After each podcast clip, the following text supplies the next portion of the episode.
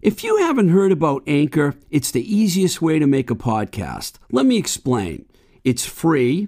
There are creation tools that allow you to record and edit your podcast right from your phone or home computer. Anchor will distribute your podcast for you so it can be heard on Spotify, Apple Podcast, and many more. You can make money from your podcast with no minimum listenership. It's everything you need to make a podcast in one place. Download the free Anchor app or go to anchor.fm to get started.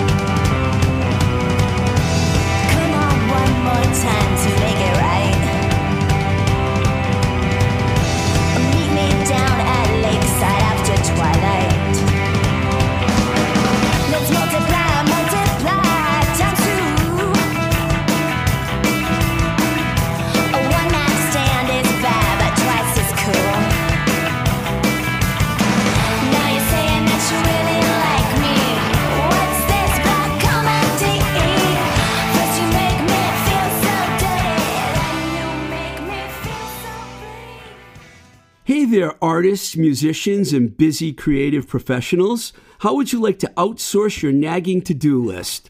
You should call Vicky at My Virtual Gal, virtual assistants to handle those things keeping you from your craft.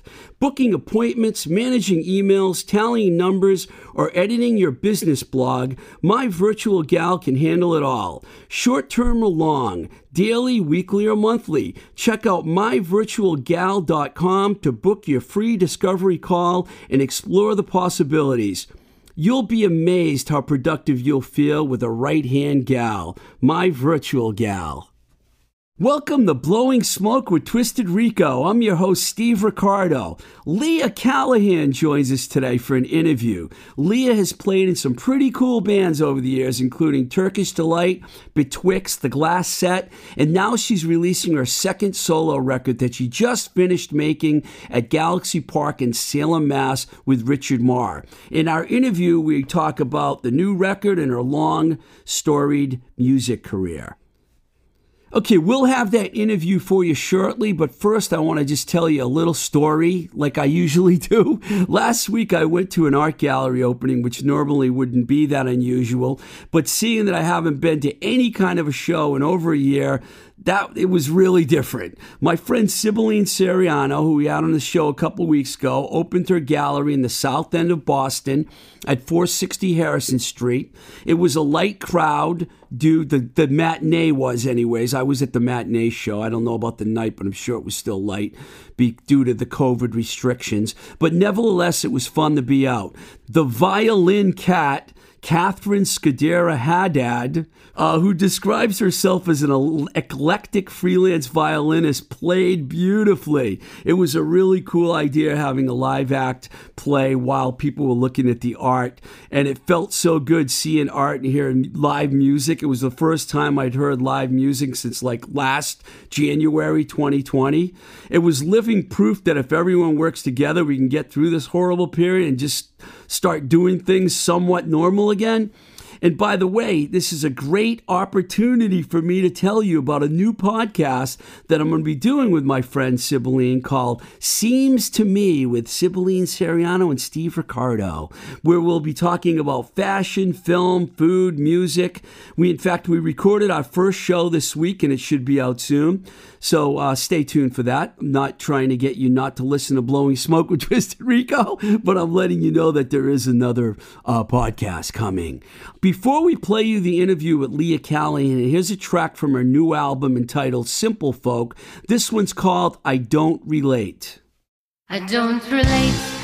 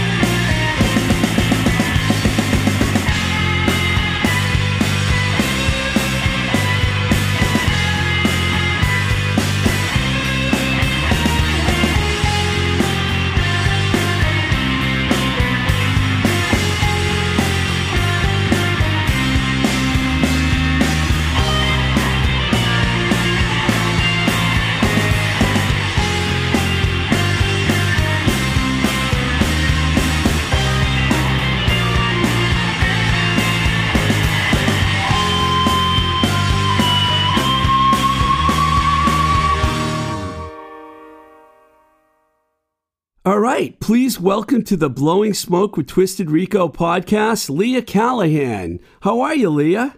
I'm great. It's so nice to hear your voice again. It's been a long time, and thanks so much for having me. I know I'm I'm really happy that you're on the show. When I heard you had a new record coming out, I was like very excited, and then when I heard it, I became even more excited by it. So Oh, that's such great news. I'm so glad you like it. I've always been a fan of yours, not just because you have a great voice, because I you have a great stage presence and you have tremendous, not to use a word that is not a very popular word, style and fashion. I've always thought you were really fashionable and everything, and I think that kind of goes along with it. And a lot of people don't don't realize that. Yeah, I think a lot of that comes from my own insecurities, to be honest. I, I never really felt like I fit in uh, for a lot of reasons. Excuse Wow. me, and I, especially just starting out. I, I never felt like I had the right look um, or the right, uh, just, I didn't feel like I was cool enough or whatever. So I think I was always freaking out about what I wore. So maybe I just ended up putting more more Well- into it. I was well- wearing something different. I, I never felt like I I looked just right. I never I never quite felt like I fit in or I was cool enough or rich enough or any enough. So Well, I, I thought the complete opposite because I. I always uh, you know thought that you looked awesome on stage. Um, so I wanted to ask you, how have you been do, doing during these challenging times during the last year with all the chaos and everything? Yeah, well, I have a weird answer for you. I actually have been doing kind of the same. Um, I was Googling around the other day, and there was actually a study in Scandinavia that says that about 20% of people surveyed um, actually were doing better off during COVID. And I don't mean financially, but just psychologically. And they didn't have a ton of information about it, but they said they think maybe those people are just resilient. And that kind of struck a chord with me. Um, through thick and thin, I've always just been kind of resilient. And I think for many reasons, COVID hasn't affected me negatively like it has some other folks, maybe because they have kids or they're the industry that they're in. Um, so yeah, it's actually, it hasn't really affected me in a huge way. I don't have a ton of roommates. I'm also not isolated and alone. So, you know, really hasn't affected me. Um, there were two months where I couldn't go out and I was really, really cranky Yeah, um, the to my beginning. significant other.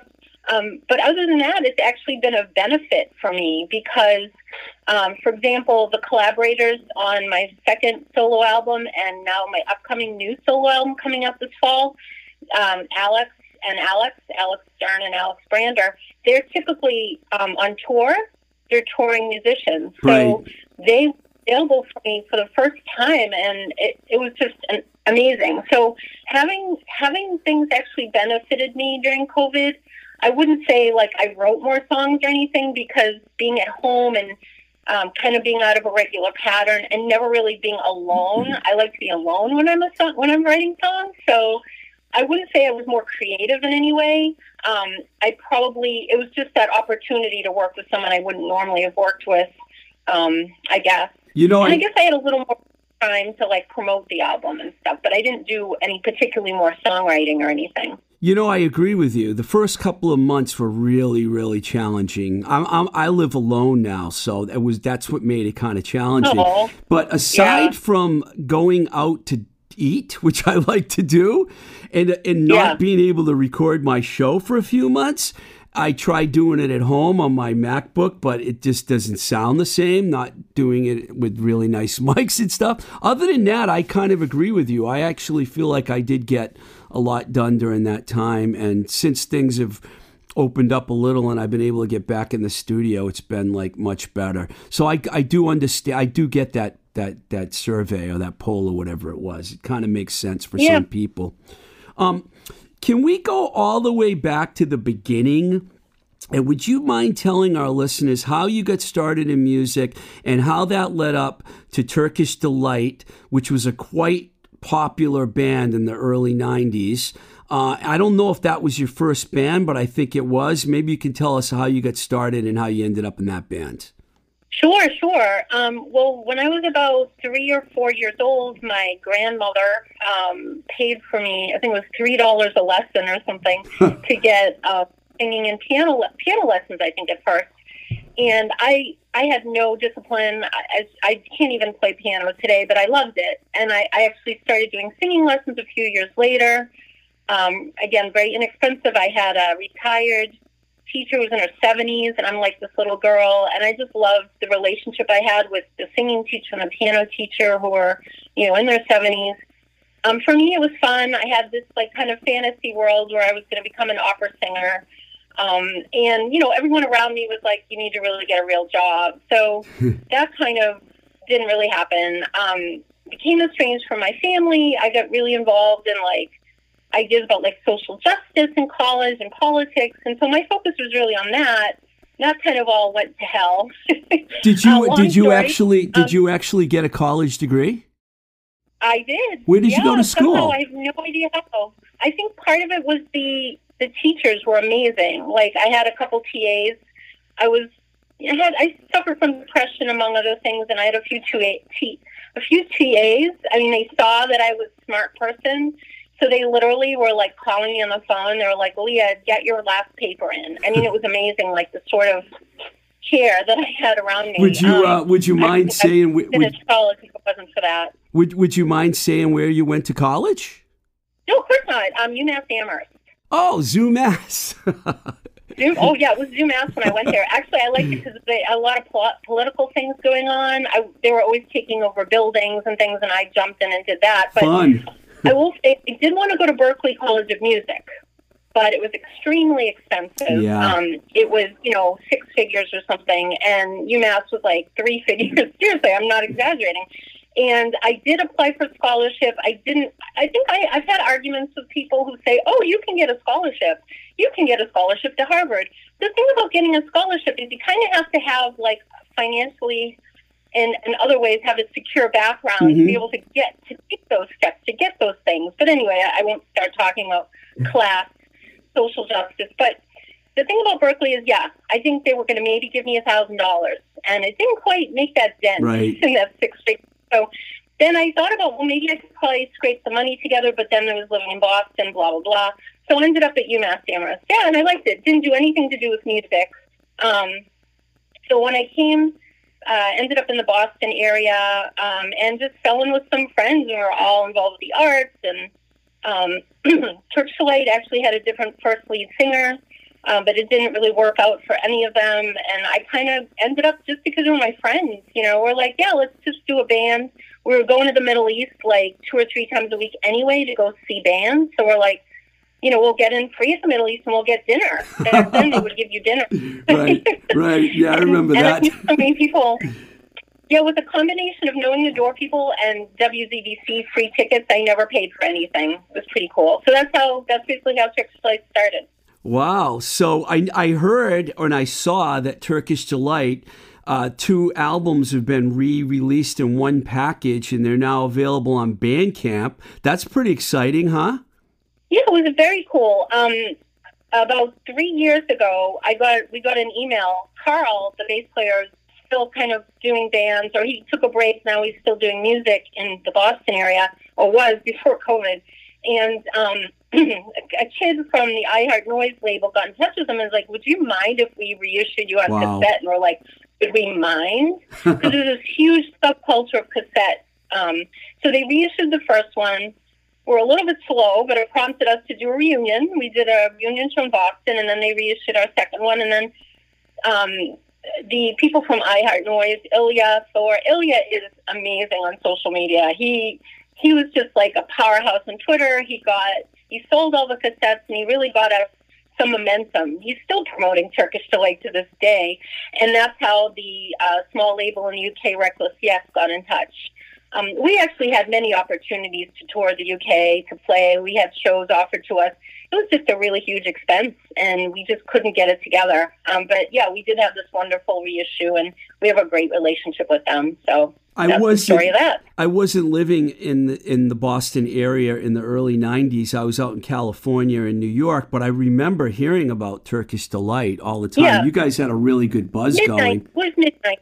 It was like ninety three to it was like 94, late yeah. ninety three to ninety six, I think. Right, 96, yeah. I think '94 was when you put the first record out, right? Uh, I think so. Yeah. Yeah. Yeah. Well, there was a good buzz on the band. You guys were like, uh, you had a, a really good combination of like, it was like, I don't know if you'd call it shoegaze, but you know, you guys had like were noisy and artsy. And one thing that I, another thing I found online which blew me away is there's a live album you can get on Bandcamp, Yep. and you're doing a cover of Black Sabbath, "Fairies Wear Boots."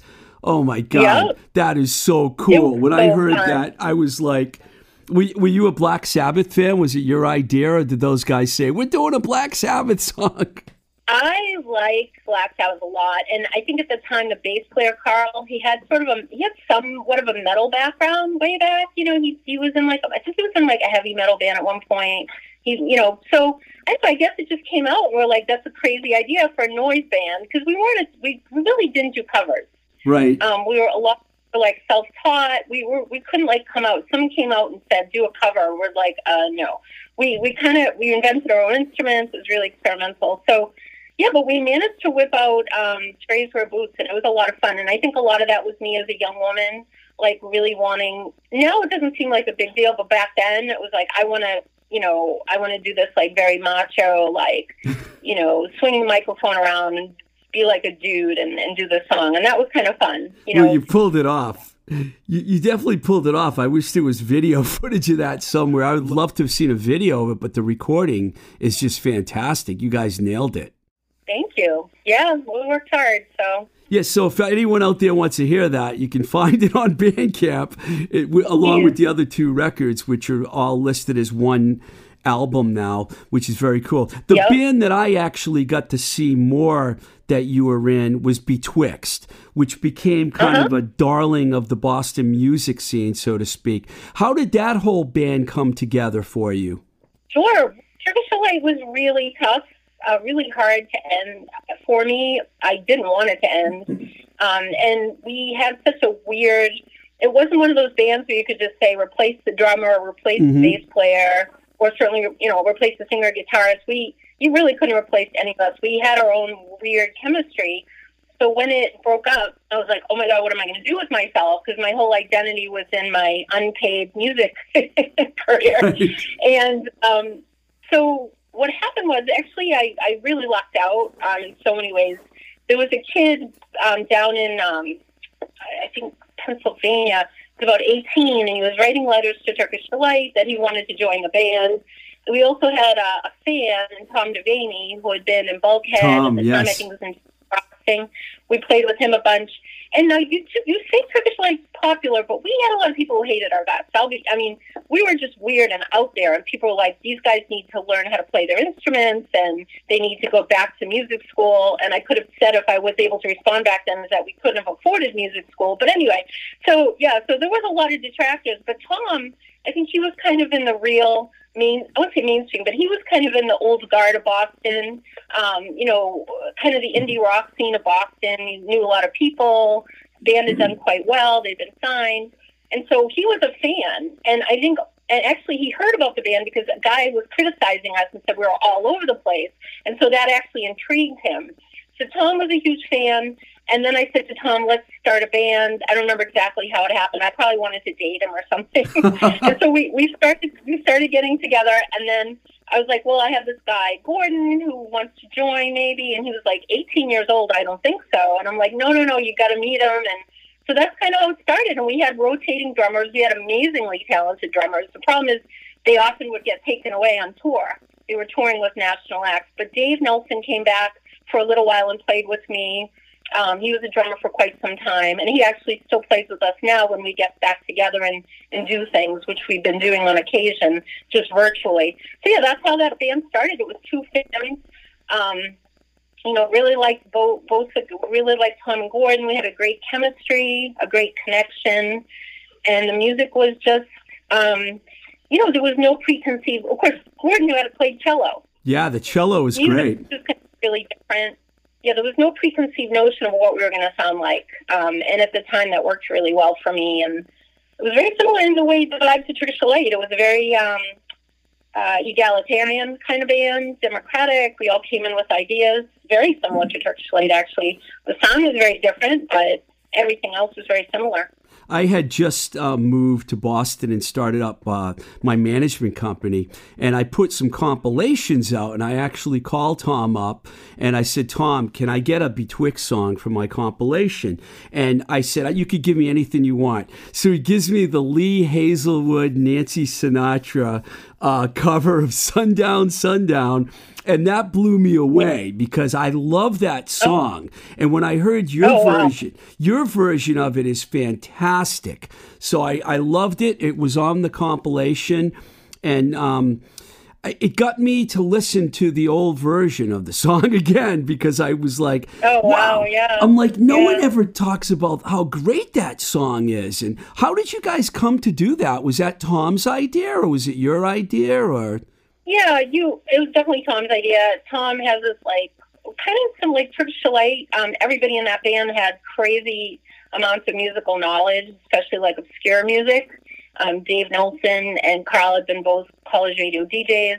I was, but I wasn't a very good one.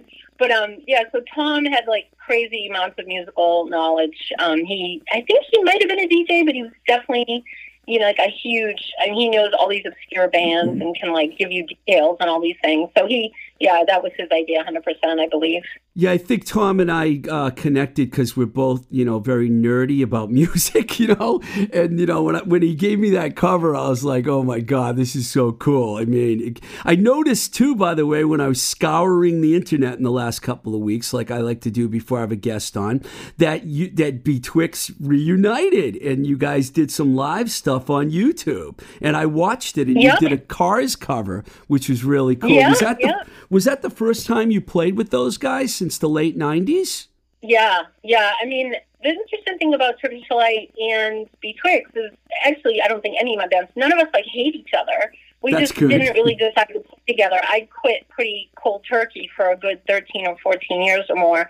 So, um, we, so Tom, uh, reissued, uh, the second album because I feel like we just didn't get the promotion. We kind of broke out, very similar to Turkish Delight after our second album, we broke up, so it didn't really get out there as much as we would have liked. So Tom reissued it on vinyl, you know, spent his blood, sweat, and tears on that. So he's like, let's do some virtual. We had some shows planned in Boston, and New York, and D.C., but obviously those didn't happen. So we started thinking about let's just do some virtual shows. So yeah, the Cars cover was very well received, and um, we did one original. We're actually going to work on another original shortly.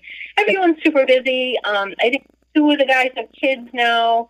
Um, you know, everybody has full time jobs, and we're all over the place. Canada. Um, I forget where Gordon is. Uh, he's not in Boston though. He might be. I don't think he's in Boston. And and and um, yeah, so we're all over the place. Well, in New York, if if we were upstate New York. if we were on a if we were on a Zoom call, you would have noticed that my mouth was wide open when you said it's on vinyl. I have to get a copy of that. I didn't realize. yeah, it's beautiful. Wow, can you- absolutely beautiful. I'm gonna get a copy because I love vinyl, and I that I think it's fantastic that he that you guys reissued it on vinyl. I gotta I gotta hear it. Yeah, that. yeah. Um, Dave Nelson kind of did a little bit of a redesign. He took a cool old photo that we'd gotten of the band on the back. It just it looks really nice. It sounds really good too. Wow, so you know those were two really cool bands, and then you took a break, and next up was the Glass Set, which was more of kind of a I dreamy. actually did not take a break. Um, I actually was crazy. I kept going. They Oh, called you me did? the hardest working showbiz at one point in Boston. I, I did a theater Sorry. company. Yeah, I did a theater company for a while. Oh, I'm Um, sorry. I was you know- thinking about releasing records when I said that because there was a little bit Oh, of a sorry. Yeah, yeah. no, we did the theater company, and then I did a solo thing in 2003. Right. Your first solo record, yes. Yeah, the, yeah. The Glass Set you went to. Oh, so did you go to Richard Marr before the Glass Set and start working with him then? No, no. So after the Tricks broke up, I think around 2000, I was in a band called Butterfield 8 very briefly, but the Oh, other guys were in other bands, so they were super busy. That was fun. I had some great photos, though, because I was in a band with a girl for the first time, so we had a lot of fun dressing up in our rock outfits and stuff. That was a lot of fun. But, um, so I was in the band, and then, I mean, the minute that ended, um, I moved on to, like, the theater company, the solo thing. Then I had my own label that crashed and burned. I was pretty miserable. So I was pretty much ready to give up music again and literally ran into Richard Marr, who I hadn't seen since the early mid 90s, the early 90s probably. And a guy from the Fly Seville was either at Richard's party or living with Richard and introduced me back to Richard and Richard and then Richard sucked me back in, got together a band for the Glass Set. Because I didn't have a band at that point, and that's how the Glass Set started. Was Richard Oh, I didn't know that. That would that must have been at the greenhouse in Allston that that happened. exactly? Yeah. I walked by the greenhouse one day. I, you know, I, I think I had thought about like leaving Boston. I thought about like not doing music anymore. Maybe I wasn't doing music anymore. I, I forget, but yeah, Richard like stuck me. I don't even know how it came about, but he's like. He's always been a fan of my music, and he calls me the real deal, whatever that means. So yeah, we became. I mean, we started hanging around and became good friends again. And he totally got me like an in-house studio band for the first Glass Set album, which morphed into an actual band for the next two. So that's how that happened. Well, I got a I got a quote here from Richard. I'm going to read you, but before I read you this quote, uh, I, it's really funny that we before we we started recording, I was telling you that coffee shop that we met at one time in Davis is gone. Well, guess what? The greenhouse has been demolished and it's gone. And there's like these Yeah. huge condos there now, so it's gone. Oh yeah, Sad. Boston's becoming a condo. I think. I, I actually managed Richard's band Flexi, and so Richard and Oh, I yeah. go.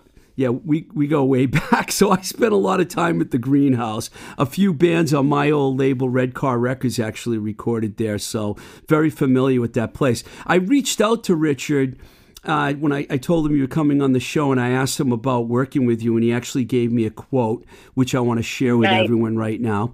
Quote: I "Work- got a big smile on my face right now. I can't wait. Oh, it's a good one. It's a good one. Uh, working with Leah is effortless. Every take is awesome, and she can sing all day. Her ears are amazing. She is super intuitive, which makes communication for us very easy. She paints pictures with her words. That's a pretty nice quote from Richard Marr at Galaxy Park. That's amazing, Richard. It's never usually talks that much either. So Oh well, cool. yeah, I know. I had him on my show, and he was. Uh, it was hard to get much of a reaction out of him, but that was like so one of my really early shows when I moved back to Boston, and I recorded uh, like four episodes up at Galaxy Park with him. So I said, if I'm going to record here, Richard, you're going to have to be a guest on the show. We've talked about you many times because when I got the Glass Set record, I immediately noticed his name on it, and I was like, wow, you worked Yep. with Leah Callahan? Because, you know, I'm sorry, I don't mean to sound all goo goo, but I've been a fan of yours for a long time, just like Richard. You have fans out Yeah. there, Leah. but um, Richard should just be on the cover of those albums because, like, he literally brought everything together. He did. So so um, so you've record you recorded. This was the third time you actually recorded with him. Let me think. Fourth, because there were yeah, because there were there was a first Glass Set album, which was kind of a solo album. It's a long story. It was a rock opera. That's how I think I came to Richard because I'd morphed from doing a musical to a rock opera. I had this rock opera idea. Richard got the band together. It was um, it was Eric and Andy from Codetta. Oh And, yeah, and I mean, very yeah. songwriters and incredible, incredible and intuitive. You know, Andy was able to sit down with me and just write from my vocal and stuff. So, um, yeah, so that so th- that was that one, and then there were two blasted albums, three albums. So this is the fourth album with. Wow, you guys have good history together. Four records with the same engineer producer. That's pretty cool. So you must really feel Well, the I- same way about him that he feels about you, right? Yeah, no, I mean he he saved my life in so many ways, and I I feel like I plan on putting out many more, and they, they will all be with Richard. Wow, that's very complimentary towards him. I've worked with Richard a lot too, so he's. Uh, it's funny. Different engineers and producers have different styles. Did you work with Minehan too? Yeah, we had the opportunity to work with Dave Minehan on um, the Betwixt album, and I don't remember how that came about. Um, probably Tom's connection, but Dave Dave Minehan is awesome. Yeah, I Really thought cool so. I thought so. That's good that you've worked with guy, you've worked with guys that are actually musicians. So that's really cool. You know, I always find Yeah. that like Nick Z, who I'm doing this show with here, my engineer, he's he's a drummer. You know, so I like working with people that understand, you know, how to actually play the instruments too, and just don't rely on Yeah. like you know their their ear. No no offense against the Rick Rubins of the world, but you know, it's kind of cool for other Yeah. musicians. They feel comfortable uh, that way. And I can tell you. Go ahead. sorry, my first recording experience was with um, Eric Masunaga from the Dambuilders.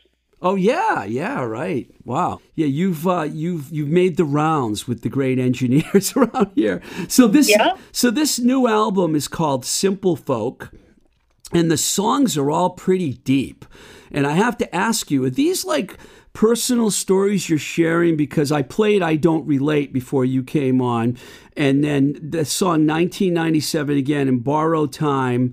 Uh, they seem to come across that way to me. Are these from pers- these personal songs? Like, do you write out of a feeling or do you write out of force? How did you write these songs?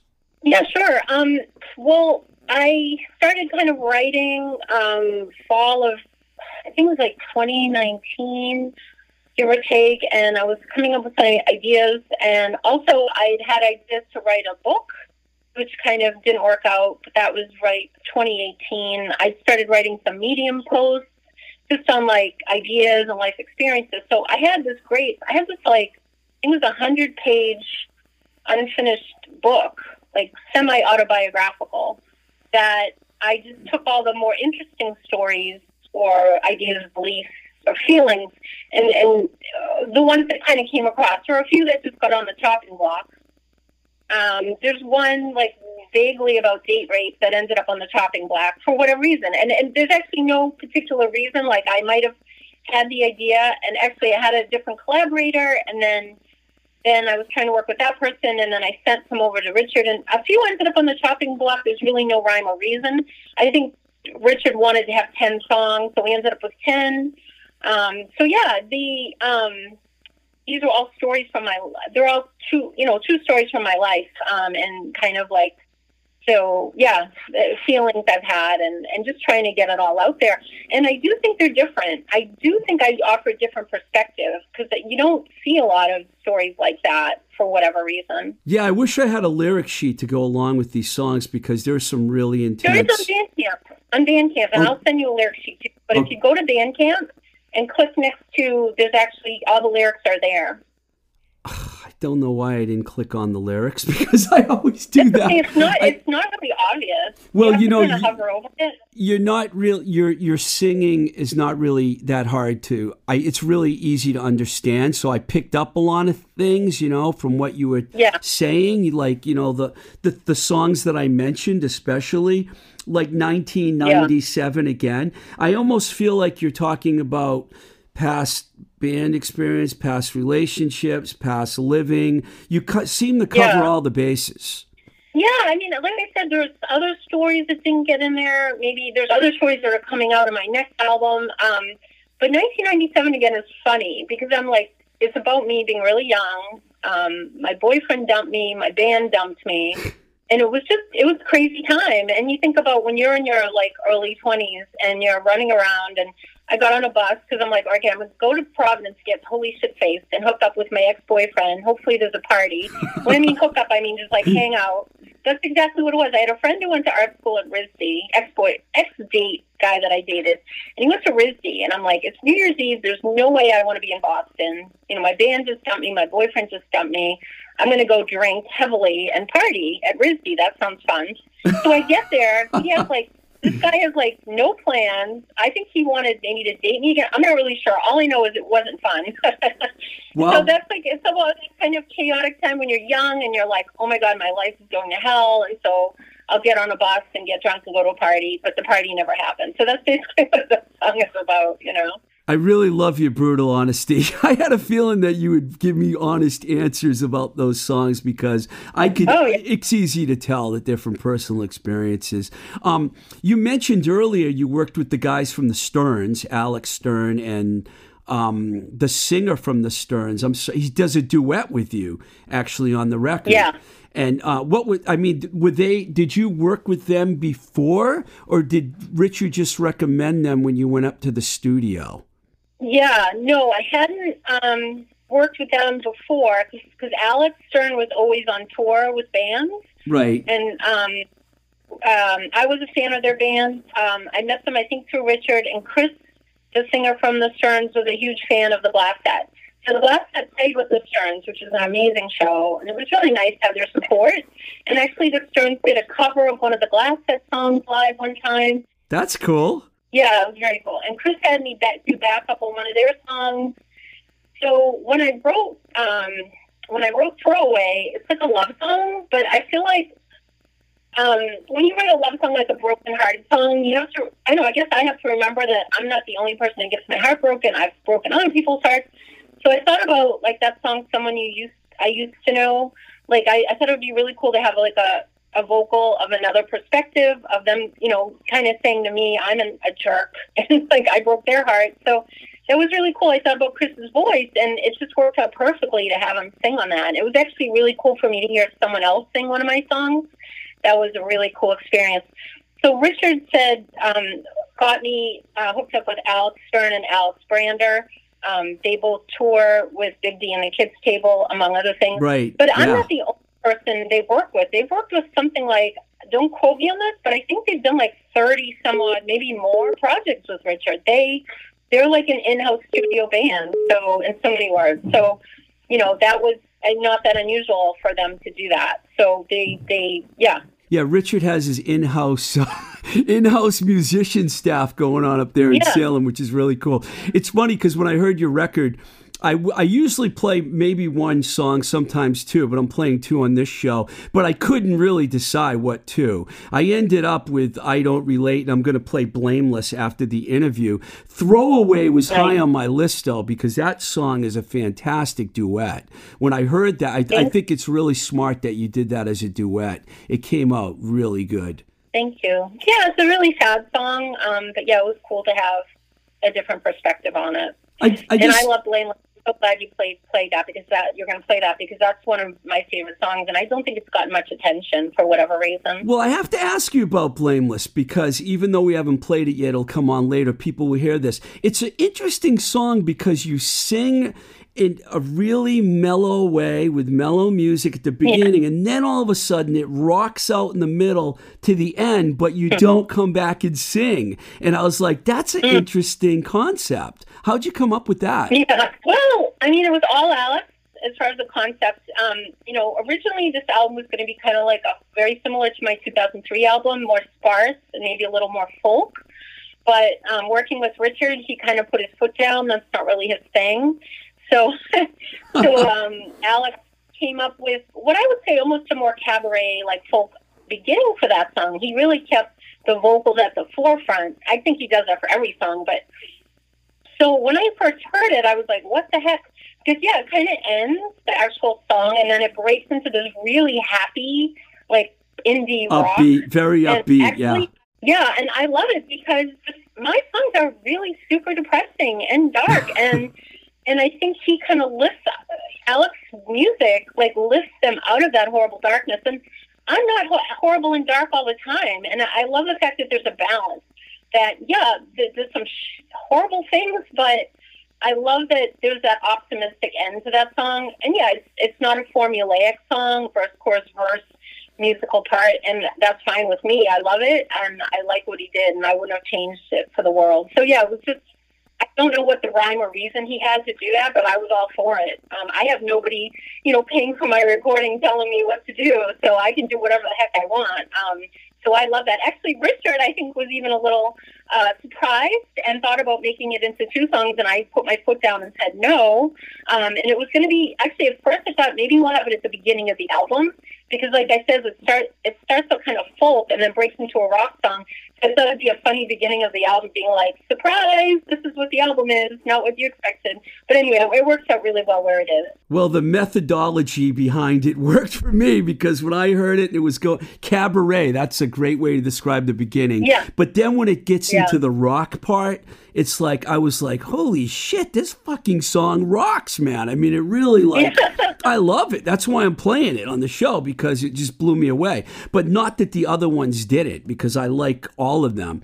Um, I just want to ask you one more thing. Um, once this we get through this the pandemic and the mess and everything that's going on and things start getting close to normal do you have any plans to play out at all Um, I, you know, it playing out is a lot of. It's really hard. Um, all the politics around it, but I think so because I'm going to have another album in September, and I think there's going to be a lot of strong material. You know, certainly to play out with these two. Um, so yeah, I plan on it. I plan on doing like a CD release party probably.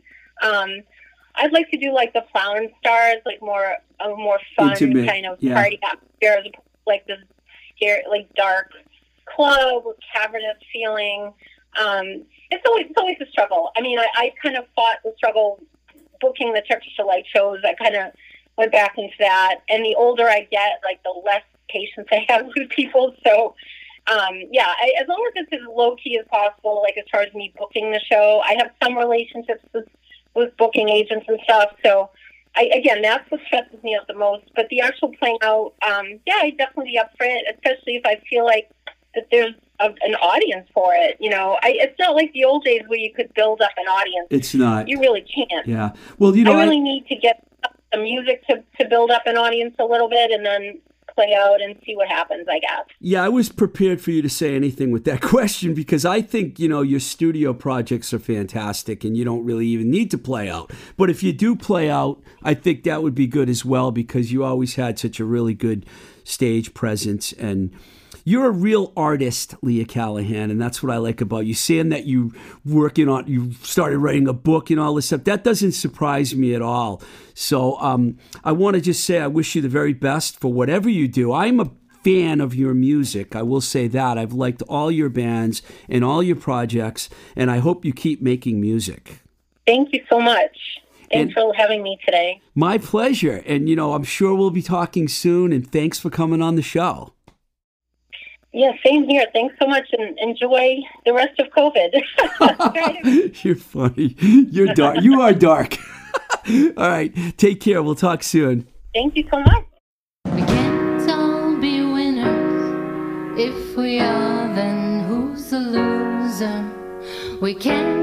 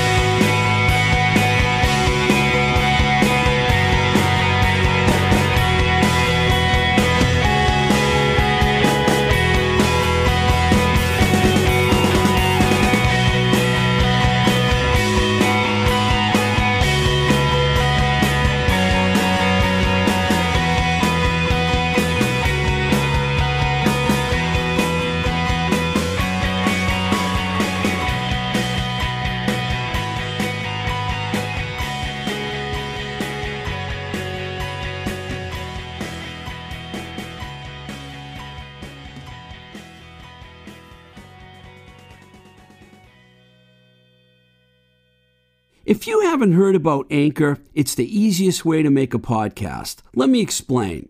It's free. There are creation tools that allow you to record and edit your podcast right from your phone or home computer.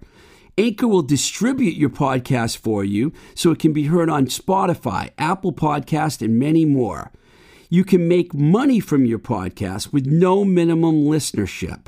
It's everything you need to make a podcast in one place. Download the free Anchor app or go to anchor.fm to get started.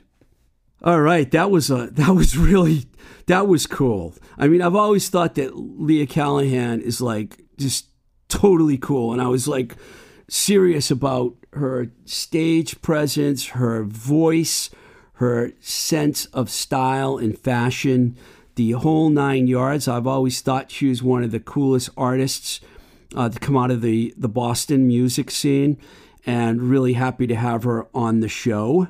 And um, looking forward to seeing what she does in the future, without a doubt. Um, I just wanted to mention a couple more things here.